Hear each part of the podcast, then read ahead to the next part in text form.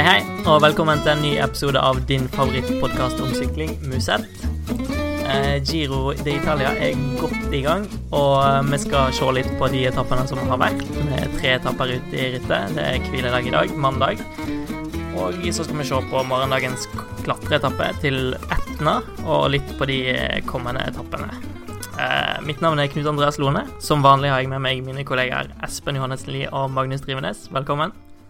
Tusen takk. Jo, takk for det. Takk. Magnus, eh, du ryktes å være i stor form. Du herjer i lokale sykkelritt i Oslo. Ja, herje og herje, det jeg ikke bruke så, så sterke ord. Men ja, preger, preger rittene litt, i hvert fall. En imponerende fjerdeplass i Follo-rittet. Ja, det, det, skal vi ikke kimse av. Meget sterkt. Espen, er det noe sykkelritt på deg? Eh, svært lite. svært lite. Jeg fikk en mail i spam-folderen min om at, uh, om at påmeldingen til Nordhordaland Rundt har starta.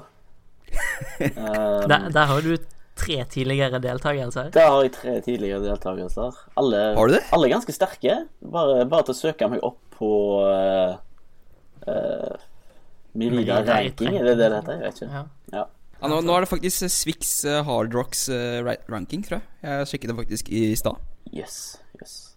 Men uh, til, til, info da, til de av dere som da velger å søke opp disse tidene, så den svakeste tiden antagelig, det var, det var ett år jeg var syk. Så antagelig, antagelig var det den svakeste tiden der. Men du burde jo ha et bredt spekter av medisiner du kunne tatt, da? Burde? Ja, muligens. Ja. Du burde i hvert fall være klar over mulighetene dine. Ja, klart det. klart det. Som regel kjører jeg på, eh, på vann og brød, stort sett. Paniagua? Si. Ja, skal vi se litt på eh, Giro d'Italia da, kanskje? Starta med første etappe. En liten overraskelse der, Magnus. Ja, Lukas eh, Pøstelberger stakk av med seieren der. Etter å ha kjørt fra i en, noen svinger ca. halvannen kilometer før, uh, før mål. Uh, holdt unna. Orica Scott var det vel som slapp uh, hjulet hans, så han fikk vel beskjed på radioen at han hadde noen meter, og da var det bare å gå, sa de. Og det holdt, holdt inn. Jeg syns det var utrolig kult at det lykkes, jeg. morsomt. Ja, det, det, er gøy med en annerledes spurtavslutning. Og kanskje den største seieren til Bora Hansgrå i år. Kanskje? Nå må jeg bare tenke litt. Det er vel det. Ja, Hvis ikke Espen, Sagaen har vunnet Sagaen har vunnet kurene, i hvert fall. Ja, ja Sagaen har vunnet kurene. ja um, Jeg syns det er litt kjedelig med sånne overraskelser, for da må du jo jobbe, og så må du søke opp alle disse ukjente rytterne som vinner i hermetegn ukjente rytterne. Så jeg fant ut da Lukas Pøstelberger, eh, snekkeren fra, fra Linz. Han var utdanna som snekker, så hvis noen trenger, trenger hytta si eh, shine up, så er vel han mann, mann å ringe, antagelig. Ellers. Så det sto på Velo News at han er carpenter, er ikke det noe sånn Å ja, ja, snekker, ja. ja. Snekker, ikke det snekker? Ja, okay, det, ja, okay. ja, Carpenter. Ja, ja. Jeg uh, jobbet jo uh, den dagen han vant, og da Altså, det var jo et slit å finne bilde av han uh, til den første saken som skulle ut den dagen. til info. Stress. Ja, andre fun facts er vel at uh, Vidar Riseth har spilt for Lasklins, som da er hjembyen til Lukas. det eneste jeg har by på. ja. Mm. ja. Sterk, eh, sterk, info. Jo, takk for det. Eh, men eh, litt mer seriøst, da. Seieren minte jo litt om eh, etappeseieren til Ivan Quaranta i 1999-giroen åpningsetappen der. Eh, en spurt. Ganske anonym rutter Caranta som slo Maru Cipollini i spurten her og tok rosa eh, trøya. Um, men det minner kanskje mer om Knut Knutsens første etappeseier Giro d'Italia, faktisk. I eh, 1975, da han skulle være opptrekker for um, Pierino Gavazzi for Jolly-laget. Eh, det var Knutsen sin andre Giro. Eh, det var åpningsetappen, og han skulle være opptrekker, men han var liksom bare helt råsterk og spurta inn til seier sjøl. Og eh, sjefene på laget var selvfølgelig rasende i og med at han tok, eh, tok rosa da, foran nesen på den store italienske hjemmespurteren. Eh, så Men nå gikk jo Caranta og Knutsen og gjorde fine karrierer i Giroen og for øvrig. Så det er spørsmålet om Pøskelberger finner på det samme, eller om han blir snekker i Linz. Han, han nærmer seg vel 30, er ikke han da? Pøstelberger? Ja, eller Tok ikke han hvit trøye også? Han er 92-modell. ah, okay. Er beklager. Da tenkte jeg på noen andre. li like gammel som deg, Knut. Ja, det jeg, Her sitter jeg og lager podkast og Ja. Men du har unge, Skal skal ikke kimse av podkasten vår, altså. Akkurat samme nivå, det er samme nivå det der. Slapp av, dette er rolig. Eh, hvis vi hopper videre til, uh, til andre etappe, der, der endte det jo faktisk uh, i spurt. Eller gjorde det for så vidt på den første òg, men ingen overraskelse der, for så vidt. André Greipel tok etappeseier i sin tolvte Grand Tour på rad, stemmer ikke det? Jo, i hvert fall første Eller siden Var det Weltan 2007 var forrige gang han ikke vant en etappe?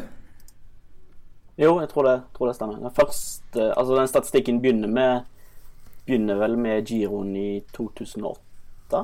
Stemmer det? Stemmer det? Jeg tror det er noe sånt. Men det, det er iallfall tolv på rad, ja. Det er jo veldig imponerende. Og nesten rekord, eh, sånn historisk sett. Bare Max det- og Hino som har, eh, har flere 14 på og rappen. 13, Ja, noe sånt. 13 og Mm. Hino og Max. Ja, noe sånt. Ja, han eh, leverer jevnt og trutt ved de store, store anledningene. Det er han. Eh, alltid gøy når Greipel vinner. Veldig sympatisk, eh, sympatisk fyr. Vi har jo hylla han litt, eh, litt tidligere i podkasten. Ja, eh, og med, med rette, holdt jeg på å si. Altså sympatisk, som du sier, Knut. Og sympatisk nesten til det eh, kjedelige. Han sier jo alltid de riktige tingene. Men vi må jo bare berømme Greipel, da. Lotto Sudal har jo hatt eh, ganske begredelig vårsesong, og igjen så er liksom Greipel den som eh, de kan stole på. Så den seieren eh, i forgårs var jo utrolig viktig for dem, da. Og man kan selvfølgelig si mye godt om Greipel og kvaliteten hans, men eh, profesjonaliteten er jo det som, som i hvert fall så, så, så slår meg eh, mest. Han er jo alltid den som gjør jobben som skal til, år etter år. Eh, gjør lite ut av seg, og eh, langt ifra noe sånn primadonna-type overhodet.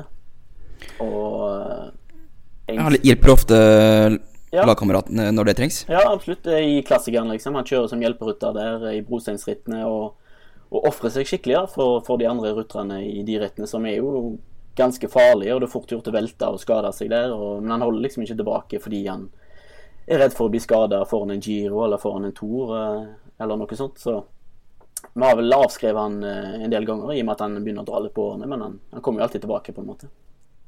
Mm. Jeg tror The Cycling Podcast eh, sa han var over the top, så gikk han hen og vant fire etapper i to runder i 2015. Ja, ikke sant? Det var jo ekstremt imponerende. Og jeg var vel en av de som på en måte tenkte han nå var, var ferdig da. Eh, Foran 2015, var det det du sa? Um, Ja, jeg tror det. ja, da trodde vi liksom at Kittel og Kev og Kristoff skulle ha et fint grep om spurtene i Tour de France det året, men så kommer Greipel og vinner Han vinner fire etapper og har full kontroll på Kristoff i hvert fall. Og, og hans opptrekk. Og egentlig så ydmyker han vel det ganske brutalt i spurt etter spurt det året der. Mm. Han er vel blitt 34 nå, og det er jo ganske vanlig at eh, både fart og akselerasjon begynner å falme litt jo eldre du blir, og du blir gjerne litt eh, mindre tøff eh, i spurtene, men Greipel virker å takle det ganske bra.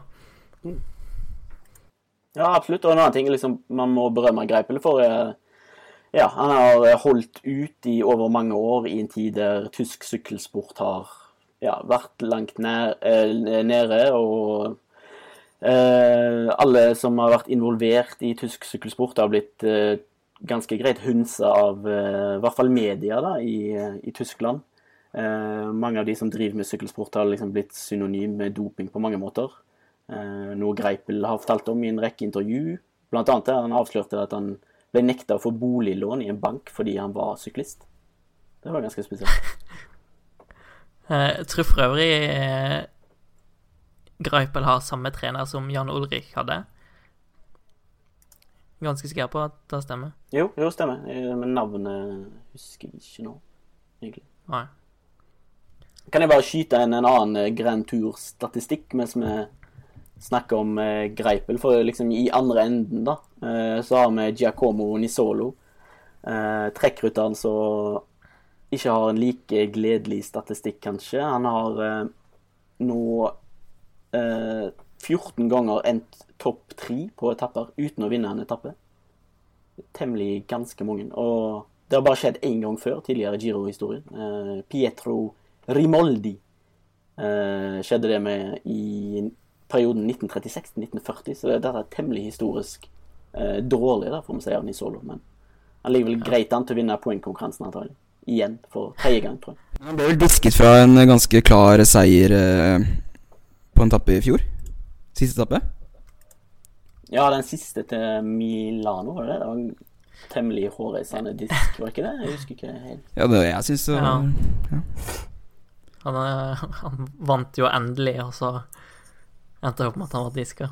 Så Tragedie. Um, vi kan hoppe videre til eh, til tredje etappe.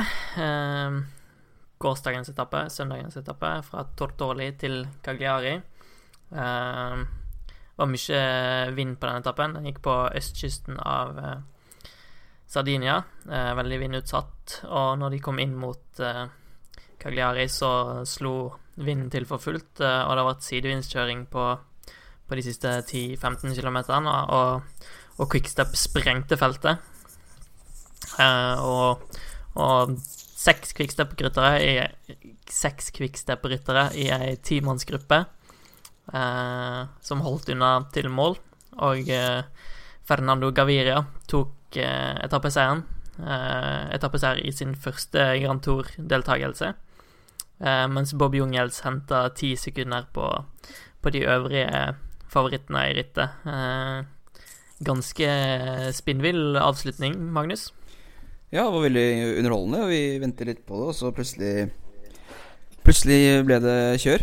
Og holdt på å si selvfølgelig var det Quickstep som initierte eh, galskapen. Og vi eh, kan diskutere om det er eh, Er det Spilte kort, nei, Quickstep kortene sine riktig med tanke på eh, Altså Bob Jungels. Vi så jo f.eks. Richese gjorde vel eh, omtrent ingen jobb. I hvert fall på de siste kilometerne for eh, Bob Jungels. Skulle de jobbet mer for å øke avstanden til, eh, ned til forfølgerne, eller skulle de gå for etappeseieren med Gaviria? Det endte jo med at Bob Jungels også i tillegg tapte tre sekunder da, til Gaviria Co. Så eh, Men eh, ja, uansett veldig bra spilt av Quickstep, da, som fikk uh, tappeseieren og uh, luke ned til feltet med Jungels. Men det kunne kanskje vært enda bedre. Ja, jeg, jeg sa det vel i går at uh, jeg syns Jungels jobba veldig masse. At det kanskje, det her kanskje ender opp med å koste litt mer enn det smaker. da Ti sekunder er ikke så masse, og Jungels gjorde fryktelig mye jobb. Det var han som uh, sprengte feltet, han som satte opp farta på sidevindstrekket, og han gjorde mye drajobb eh, innover mot målet i Cagliari. Eh, jeg vet ikke hva du tenker om disponeringa til Quickstep, Espen? Jeg tenker vel at en sånn etappeseier eh, vil ha en positiv effekt på, på lagmoral, egentlig, utover, utover i rittet. Så ja, jeg tror ikke vi kan klandre dem for det der, egentlig. Jungels er jo Det er litt sånn typisk quickstep der, der de prøver jo å vinne, vinne mange etapper med mange forskjellige eh, ryttere eh, i ritt, og ja Det vil sikkert bare dra laget framover utover rittet, tror jeg. altså. Og så kan vi jo si at eh, eh, Bob Jungels er kanskje avhengig av å ha litt ta litt tid på sånne etapper, da, hvor, eh, for han er kanskje ikke like god i de eh, lengste stigningene. Så å ta tid på sånne etapper er jo veldig bra. Og man, og, jo, man vet jo ikke hvor mange sekunder det blir uansett, så det er bare kult at han jobber Jobber hardt og prøver. Så var det hviledag påfølgende dag, så Ja. Eh, bra spilt, syns jeg. Mm. Det var Quickstep sin 25. seier i år, tror jeg. Jeg tror vi med rimelig stor sikkerhet kan si at de er det mest vinnerlaget i år, som vanlig. Ja. ja. beste laget. Mm. Uh, er det noe mer vi skal trekke frem fra de tre første etappene på, på Sardinia? Det har vært relativt bedagelig tempo. Første dagen gikk vel med 35 i snitt og seks timer på sykkelen, og det har vært lite velt og ja. Det har vært mye motvind. Mye motvind. Det har jo preget etappene litt. Altså. Men hyggelig for ryttere som f.eks. Sindre Lunke, da, som har slitt litt med sykdom i forkant av rittet.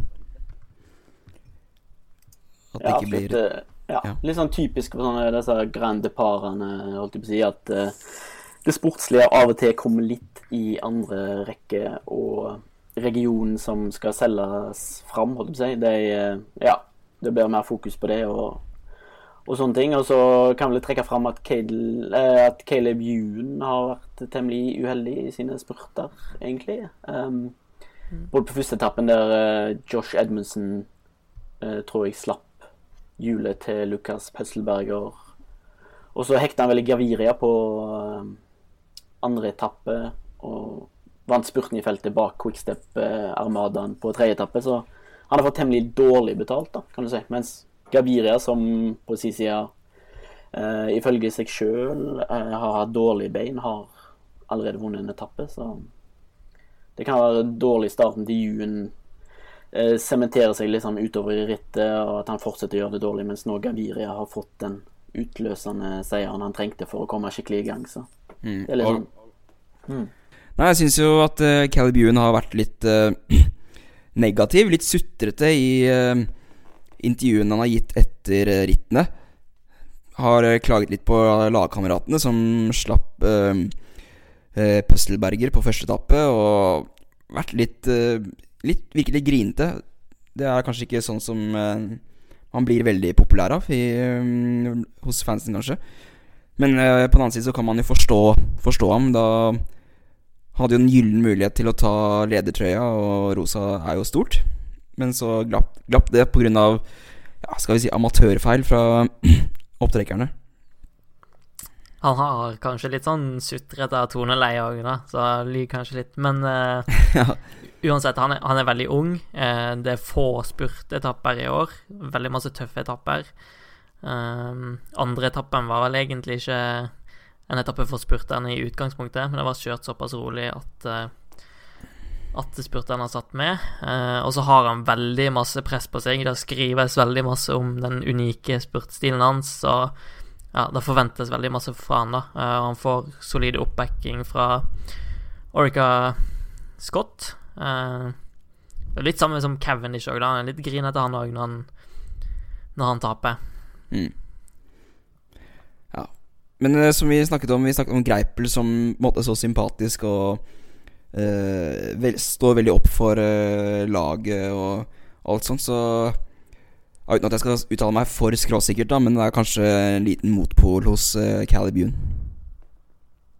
Det kan godt være.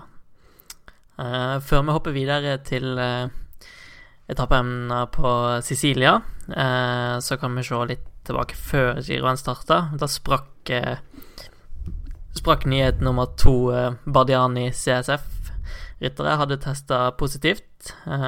Espen, du kan kanskje ta oss gjennom detaljene der?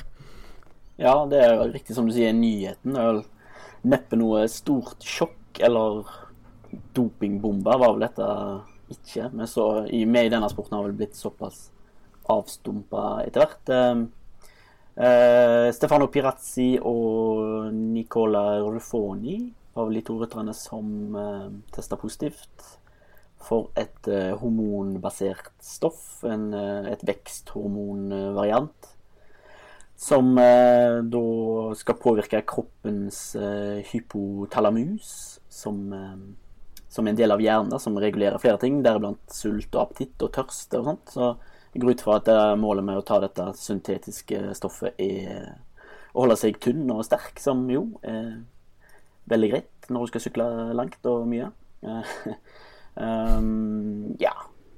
Typiske forsvarstaler ble vel fremma i løpet av dagene som har gått. Um, det kan vi vel komme tilbake til, men ja, laget fortsetter i hvert fall da, uh, fram til um, B-prøvene blir uh, bekrefta. Som Vi kan altså bli kasta ut midt i rittet. Ja, jeg tror både arrangøren og eh, UCI um, har uttalt at uh, det er en realitet, vel? At det kan skje. Mm. Nei, for å ta det litt Er ikke det en jævla dum regel? Altså, Det er helt håpløst. Jeg, jeg, jeg, skjønner, jeg skjønner at det er masse penger på spill, masse sponsorpromotering og sånt, men å la de kjøre halve giroen, og så sparke de på ræva ut, det, det henger ikke på greip. Ja, nei, men eh, vi, jeg er helt overbevist om at eh, B-prøvene kommer til å vise noe helt annet enn A-prøvene. Det har vi sett i alle tilfeller. Det er jo helt håpløst at eh, det skjer, syns jeg, da. Espen, hva tenker du?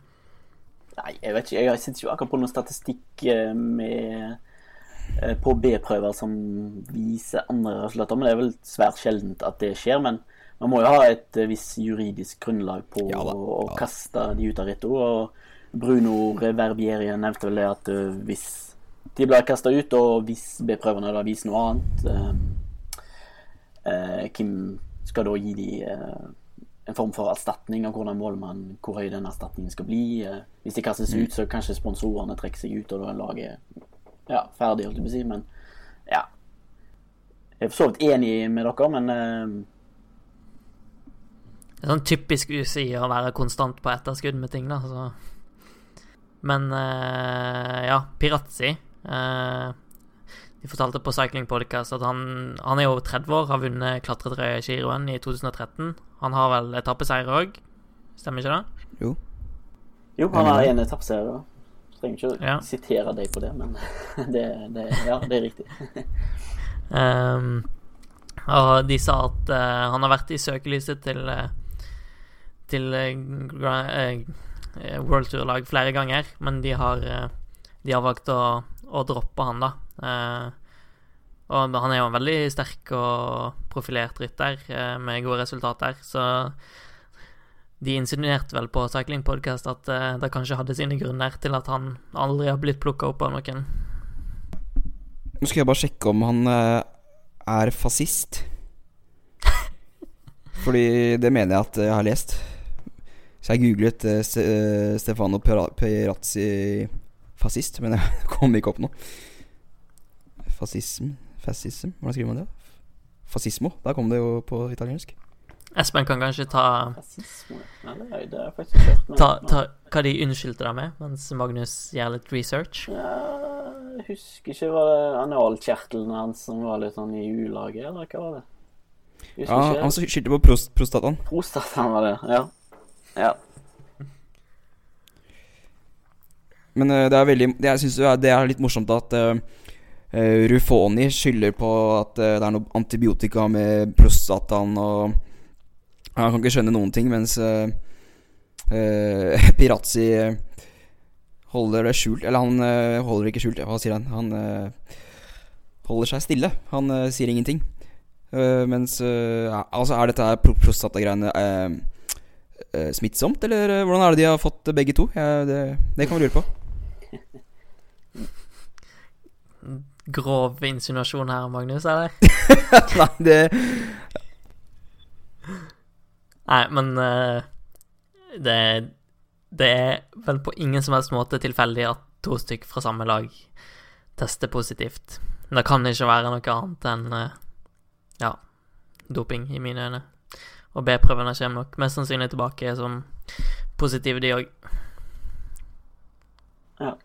Nei, Det skal i hvert fall uansett bli eh, interessant å se hva som skjer med, med Bardiani da, um, framover, hvis de blir kasta ut. Noe som er jo temmelig sannsynlig.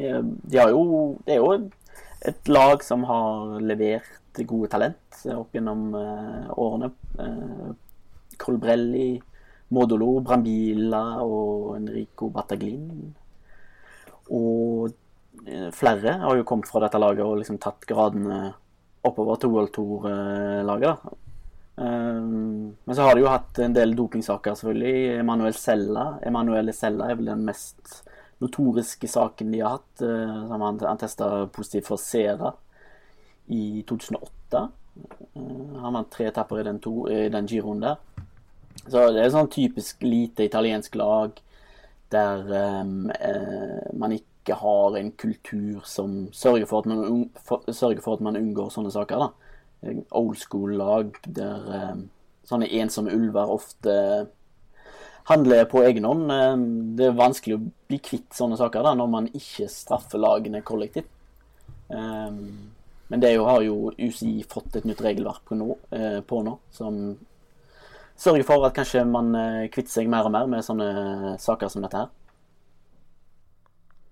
Det er vel definitivt eh, riktig vei å gå.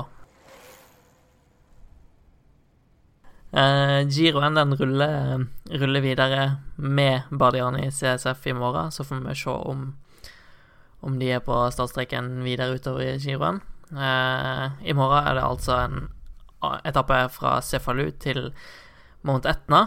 181 km lang. To klatringer skal, skal forseres. Eh, Magnus, du er jo lokalkjent i området. Ja, det, det er absolutt. Det vil jeg eh, påberope meg å være. Du kan fortelle litt hva som venter rytterne på morgendagens etappe. Første ja. fjelletappen i Giroen. Ja, eh, de starter da i eh, Zefalu. En meget fin eh, ja, kystby i Sicilia helt nord. De sykler vel fem mil langs kysten før de kjører sørover, og da er det en 35 km lang stigning som venter rytterne. Jeg har syklet, altså De fem første milene så har jeg syklet selv langs kysten der. Det kan være fare for vind, men det er, det er nok høyst usannsynlig at det skjer noe splitter der, da. Og så venter du den 35 km lange stigningen. Det er vel 5 i snitt eller noe sånt nå. Uh, før de ja, fortsetter sørover og inn i, inn i landet på, i Sicilia. Og så tar de da opp til Mont Etna. Uh, 17 km med 7% i snitt. Uh, den bakken har jeg syklet selv. veldig fint, for så vidt. Det er litt ujevn stigningsprosent har noen ganske seige partier, og så er det noen partier det er ganske greit også. Uh, mot toppen er det mm, lite vegetasjon. Det er uh, ganske åpent. Kan være utsatt for, uh, for vind der. Altså husker jeg altså, det var mye løshunder. Spesielt i bunnen av stigningen. Veldig skummelt, syns jeg. Litt ubehagelig. Så vi får håpe at hundene holder seg unna, unna når syklistene kommer i morgen bjeffer noe voldsomt, altså. Espen, eh, det er mange, som, mange av sammenlagtrytterne som sier at de forventer full gass i morgen. Eh, hva tror du? Tja, høres ut som en bløff. Eh, jeg tviler på at vi får se veldig mange rabiate sammenlagt favoritter, apropos hunder. I og med at det er såpass tidlig, så mine forventninger er eh, veldig avmålte sånn sett. Den som vinner på Etna, tar sannsynligvis rosa, eller tar rosa. Så det blir nok sikkert et insentiv for mange. Eh, selv om det er sikkert relativt tidlig for lagene til en av de store favorittene til å ta trøya allerede på tappe fire. Um, I så fall så må de ha en plan for å gi den vekk også, da. ellers blir det veldig mye, uh, mye ansvar såpass tidlig til rittet, som sagt. Så sannsynligvis får han vel se Nibali. Han eh, uttalte et ønske om å kjøre litt aggressivt, eh, siden det på hjemmebane hans dagen etterpå går eh, etappen eh, i mål i Messina, så han har liksom lyst til å kjøre i rosa da. Um, slik vi så han i fjellene i to av Kroatia, så jeg tror ikke vi skal ha så veldig store forventninger til at han klarer å eh, prestere så veldig skarpt allerede. Han så temmelig sløv ut i fjellene der liten akselerasjon egentlig når han prøvde å rykke, syns jeg. Så eh, kanskje en, eh, en, ufarlig gruppe får lov til å gå, og at vi får se en uh, type rytter som Jan Pålank ta, ta, trøya, kanskje. Sånn som vi så i Arbetone i 2015, den første uh, tidlige fjellfinalen der. Jan Pålank, ja. Da vet jeg hva jeg skal bruke, sette oddsen, altså sette pengene på oddsen i morgen. Nei, jeg tipper garantert at Nibali kommer til å prøve. Han har sagt at han skal prøve. Treneren hans, Paulo Slongo, har sagt han, uh, han kommer til å prøve. Uh, det er jo på hjemmebanen hans. Uh, han har vært og kjørt, kjørt hele etappen.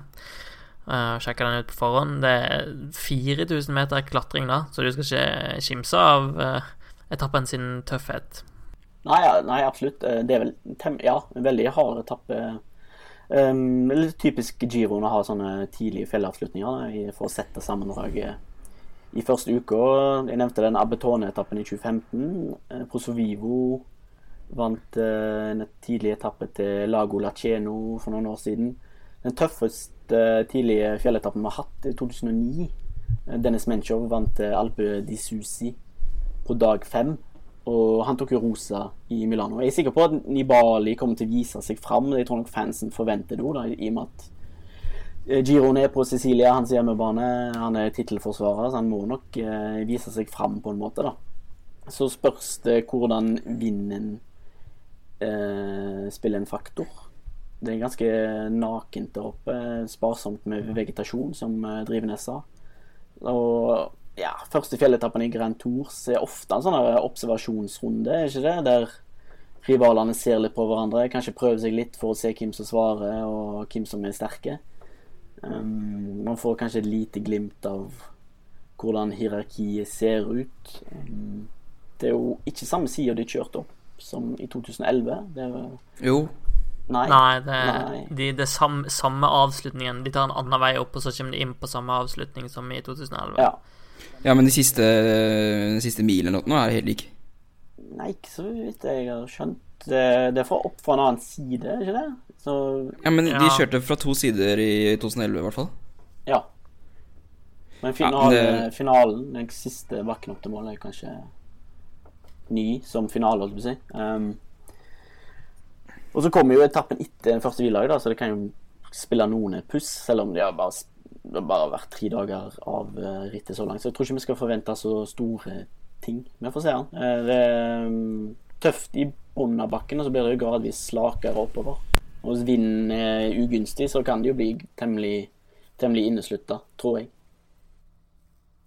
Mm. Og så sånn som alle favorittene omtrent har bygd opp eh, etappene om at den er veldig veldig tøff, og at de forventer full gass og masse angrep, så er det veldig typisk at alle bare sitter og ser på hverandre og nøytraliserer hverandre. Ja, det tror jeg. Og så tror jeg ikke denne eh, stigningen på midten av etappen kommer til å gjøre særlig stor eh, skade. Selv om han er ganske lang, så er ikke den veldig bratt. Eh, så de fleste lagene kommer vel til å sitte med en del hjelperutere inn i siste bakke i, i tillegg, går ut ifra. Og så er det den steinharde siste uka da, som alle tenker på. Fem etapper på rad i fjellene i siste uke, så de fleste tenker vel at dette er veldig tidlig i rittet.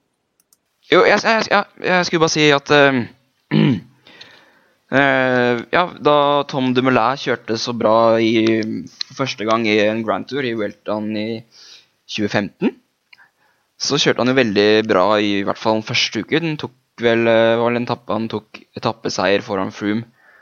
ganske så overraskende. og Eh, vi har Jeron Thomas, som er eh, veldig god rytter på eh, uke, altså ukesetapperitt. mens man har ryttere som Vincenzo Nibali, som viste ganske bekymrende form, syns jeg, i Kroatia rundt. Men som også i fjor var ganske så svak de første to ukene, men kom veldig siste helgen spesielt. Eh, så det kan være litt forskjellig hvilken form rytteren er i akkurat på nåværende tidspunkt, og at uh, kanskje ryttere som Thomas og Dumoulin vil utnytte og Jungels for så vidt, utnytte at det her uh, er kanskje et tidspunkt i rittet som passer dem bedre enn f.eks. Nibali. Det er ikke så, så dumt, det der. Og Tom Dumoulin ser jo veldig skrapa ut nå. Så spørs om han ikke kan gå, gå ganske fort oppover. Um, vi har en norsk klatrer med i rittet, da. Sindre Lunke. Er eneste nordmann uh, som sykler giroen i år. Um, Magnus nevnte som sagt at han har hatt noen tøffe innledende dager. Han var sjuk på, på, forhånd. Um, du snakka med han i dag tidlig, Espen, uh, på telefon. Uh, hviledag i dag. Du kan jo fortelle litt hva han hadde å si. Nei, ikke så veldig mye å melde utenom at um, han har kommet uh, greit i gang og uh, lagt lagt dette mageviruset bak seg.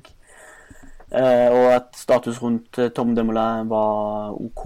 De hadde kommet seg greit uh, gjennom de tre første dagene. Helskodd, ikke tapt noe tid. Um, og at eh, det så veldig, så veldig lovende og greit ut, egentlig. Mm.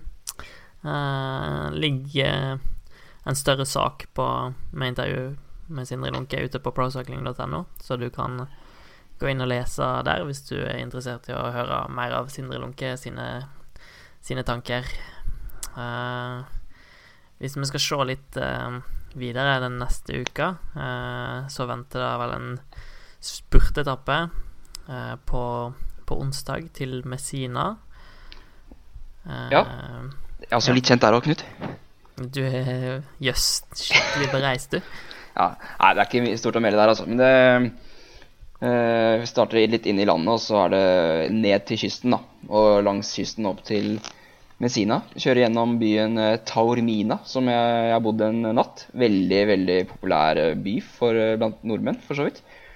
Um, ligger litt sånn oppe. Det skal være TV-punkt der. Så der er det bare å titte. Meget uh, fin by.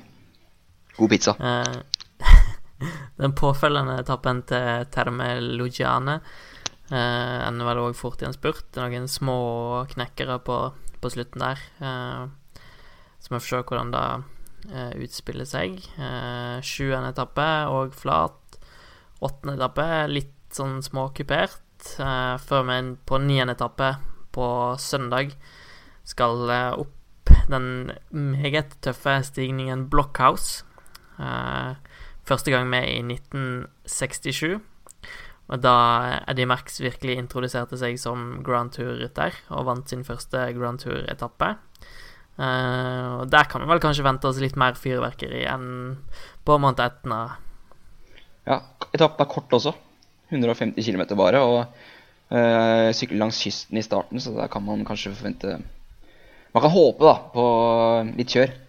Mm, de sykler langs uh, kysten ja, kanskje halve etappen før de dreier innover i, i landet. Uh, det er en lang stigning. Uh, 13,6 km med 8,4% men i realiteten så er den omtrent 30 km. Da. Det går jevnt oppover i 15-16-17 km før den offisielle delen av stigningen starter. Sånn, det er sånn 30 km med 5 ish i snitt. Eh, og stigningen er 14% på sitt bratteste. bratteste. Eh, det lukter litt eh, Nairo Quintana her, Espen. Ja, jeg tror man må være enig i det. Knut Blockhouse er på papiret den tøffeste av de fire fjellavslutningene. Og på, og på papiret er Quintana den beste klatreren.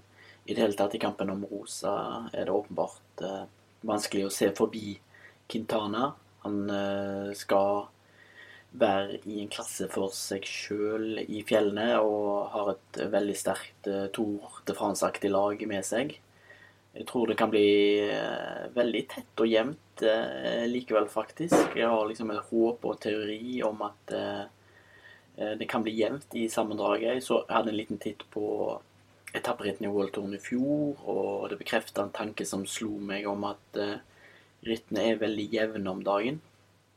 Så i fjor så var det egentlig bare tre etapperitt i World Touren som ble avgjort med mer enn eh, 60 sekunder. Og vi vet eh, i giroen så kan eh, tiden tapes egentlig hvor som helst. Vi så i fjorårets utgave eh, at alt ble snudd på, på hodet i løpet av, siste etapp, av de siste etappene. Det var egentlig interessant å høre Quintanas trener snakke om eh, måten de har lagt opp formen til Quintana, eh, og en peak mot, eh, mot tredje uka. Quintana kom litt inn til giroen litt under 100% så rivalene hans må nok eh, være fokusert på å følge han tett og virkelig se etter om han plutselig er på en dårlig dag der de kan tjene litt tid på han og ta han litt eh, Og overrumple han litt, på en måte. Så selv om Quintana er jo en vanskelig rutter å lese, han har alltid sånn steinansikt på seg.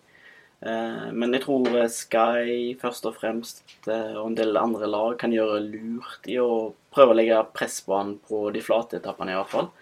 Slik eh, man gjorde i Tour de France en del, i hvert fall på de etappene der det blåste en god del. Jeg tror på flatene det er der Movistar-laget ser svakest ut, selv om de har henta Daniele Benatti nå. da. Eh, Jeg tror det er der det blir enklest å stresse Quintana. Det blir spennende å se om eh, Mikkel Landa kommer til sin rett. Han viste jo litt gryende form i, eh, i Tour of the Alps, Giro del Trentino. Uh, uh, han går vel en del bedre enn Geraint Thomas oppover, hvis han er i god form. Eh, så de kan fort få en god mann å spille på, på der. Eh, Vi får heie litt på Mikkel Landa. ja, er, apropos, eh, du kan jo nevne hva du har eh, Nei, bygd nei, på eh, det, er drit i det. Her skal ingen vite om, Knut. Eh, Det, er- det, det, skjer ikke, det, er det, det kommer ikke til å skje uansett. Hele Twitter vet jo om det her allerede. Ja, men det er jo, det er jo ikke noe vits å ha å blæste det noe mer. Ja, for det, kommer ikke til å skje uansett. Nei. Folk får gå inn på, Nei, på Twitteren til Magnus, da, så finner de sikkert ut av hva ja, det, da må du bla langt ned. Jeg tror Jarle har eh, festa den i toppen av Twitteren sin, så ett fredagsvik på Twitter, vær så god. Nei. Eh, er det noe annet vi skal trekke frem fra den kommende Giro-uka? Nei, Jeg vet ikke akkurat uka, men jeg har bare lyst til å uh, si det først som sist. Jeg har en anelse om at Tibor Pinot kommer til å gå veldig bra i denne giroen. Uh, Syns han ser veldig bra ut. Selv om han avslutta sesongen horribelt i fjor, så begynt, har han jo begynt strålende i år og har vunnet allerede i februar. Det har han aldri gjort før. Uh, ser veldig avslappa ut og kommer til å unngå de der glohete dagene som man ofte har i Pyreneene i Tour de France og i Alpene, selvfølgelig.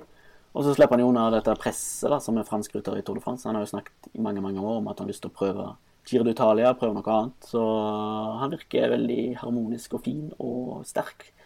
Så kjører han jo veldig godt på tempo, ikke minst. Jeg tror ikke han kommer til å tape veldig mye tid til, til Demoulin og Jaron Thomas og de sterkeste temporytterne. Kommer kanskje til å tjene en del god tid til typer som Landa og Quintana i tillegg. Så se opp for han. Jeg tror han kommer på podiet, egentlig. En liten kuriositet om uh, Thibaut nå. Det var vel Inner Ring som skrev på Twitter i dag at uh, uh, Siterte en uh, sak fra den franske avis. og så stod He phones his father before the start to ask him if he's taken care of the sheep.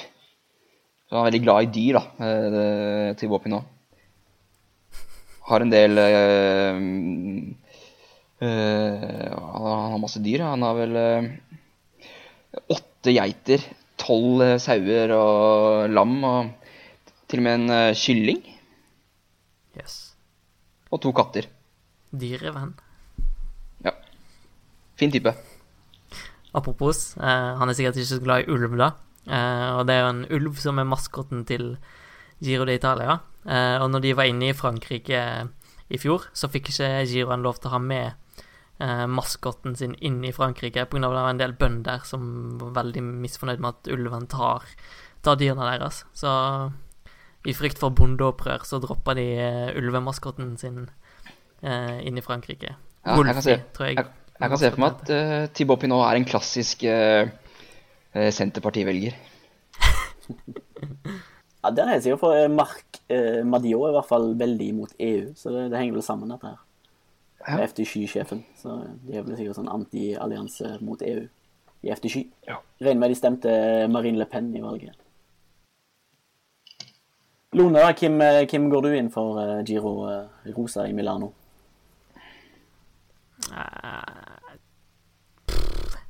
Jeg er litt usikker på hvor masse Quintana kommer til å, å legge i det. Um, han har jo åpenbart torn i, i tankene. Uh, men så er det ei løype som passer han veldig godt. da Veldig tøffe etapper, mye klatring, uh, seig pining. Mm, så uh, Det er vanskelig å si, men jeg tror jeg, tror jeg går for Nibali, faktisk. Nibali Nibali cracks under the pressure, holder jeg på å si. Så jeg Ja. tror Quintana, Pinot, Demoulin er pallen. Oi. Ja. Ja. Magnus, da? Nei, jeg tror også Quintana vinner. Må være såpass eh, kjedelig. Eh, og så håper jeg litt at eh, Har litt sansen for de nederlenderne. Ja. Kreuzvik, eh, Dumoulin og Molema. Håper eh, Jeg syns eh, de er flotte ryttere. Hyggelige typer. Kan jeg se for meg at de er. Bakum Bollema bruker veldig masse tid på å lese når han er på Grand Tours. Les på senga, les på vei til etapper. Så Ja, ja. Det er bra. Litteratur er viktig. Jeg har jo også, eller jeg hørte i dag eh, en historie om Bauke Mollema. At det var en som lignet så voldsomt på Bauke Mollema at han hadde gått på universitetet i et helt år for Bauke Mollema. Tatt masse eksamener. Men det Jeg jeg tror vi må ta det med en liten klype salt. ja, eh, jeg tror Men- ikke vi skal svelge, svelge Nei. Men han er jo, har jo et litt, litt ansikt som kanskje er sånn som fort uh, har lookalikes, da. Typisk lookalike-ansikt. Ja, men det Samme det. Mulig den uh, Mollema lookaliken var uh, Fernando Escartin. Antagelig. Antagelig. De ligger jo veldig. Med den der eh, lang, lange, tynne nesen. Du hadde en Dumoulin lookalike i en av sakene dine òg, Espen. Ja, jeg syns han eh, har litt sånn Hollywood-schwung over seg, med bølgete svart hår og gnistrende øyne og eh, i, i hele tatt en flott fyr. da. Så han ligner litt på Warren Beatty, som en sånn, eh, klassisk Hollywood-actor. Google det. Dere får google han, antagelig. Nå googlet jeg Fernando Escartin og syntes han lignet litt på Valverde først, men så trykket jeg på bildet, og så var det et bilde av Valverde. Så da var det ikke Escartin, rett og slett. Vi begynner å runde av. Eh, håper folk følger med på procycling.no utover uka eh, og leser om giroen der. Følger dens vei videre. Eh, så har det vært ritt på norsk jord i helga. Sundvolden GP og Ringerike GP. Begge to ble vunnet av Rasmus Gullhammer.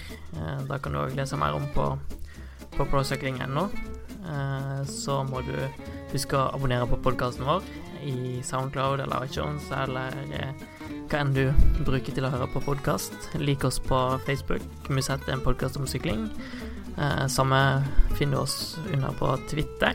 Eh, og så hører du eh, snart fra oss igjen. Eh, Magnus og Espen, en glede som alltid. Ja, en glede. En sann glede. Ditto. Ditto. Greit. Eh, nyt giroen videre, da. Ciao.